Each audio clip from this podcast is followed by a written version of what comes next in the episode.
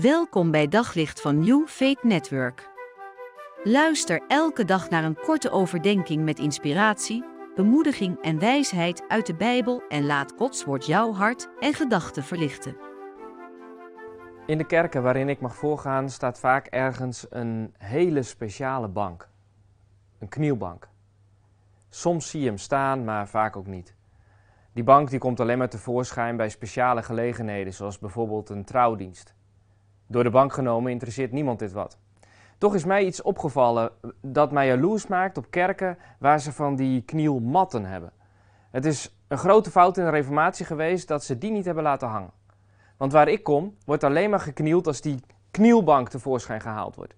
Het beroerde is dat er altijd maar één zo'n bank is en daar kunnen net aan zo'n twee mensen op. En zonder dat ding kunnen wij onmogelijk knielen. Ofwel? Waarom zou je überhaupt de behoefte hebben om te knielen? Is dat gedoe nodig? Als er geknield moet worden, dan, dan ben ik weg. Goeie vraag. In Openbaring 4 mogen we samen met Johannes door een geopende deur een blik werpen op het centrum van de macht. En daar staat de troon van God. En om die troon zijn 24 oudsten te zien. En wat doen die? Ze knielen. Wat een gedoe. Echt? Stel dat ik één van die 24 oudsten mag zijn en ik besluit die gedachte eens te delen met die 23 anderen. Wat zou er dan gebeuren?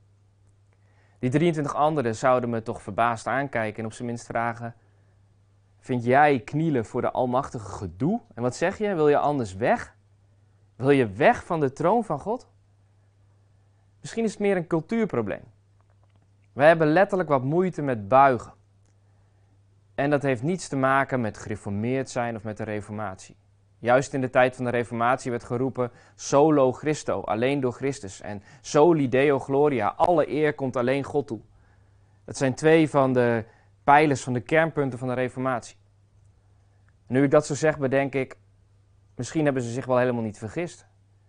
Misschien hebben ze wel gedacht dat wij juist zonder knielmatten nog, nog beter konden buigen. Buigen.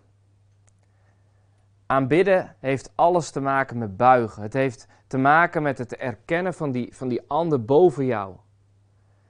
Eén blik op de troon van de Almachtige, van de Almachtige God, zet ons direct stil bij de vraag wie wij zijn en hoe wij anno 2018 aanbidden.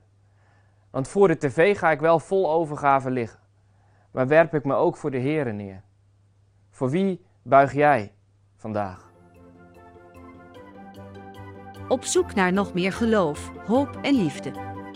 Op New Faith Network vind je honderden christelijke films, series en programma's. Nog geen lid? Probeer het 14 dagen gratis op newfaithnetwork.nl.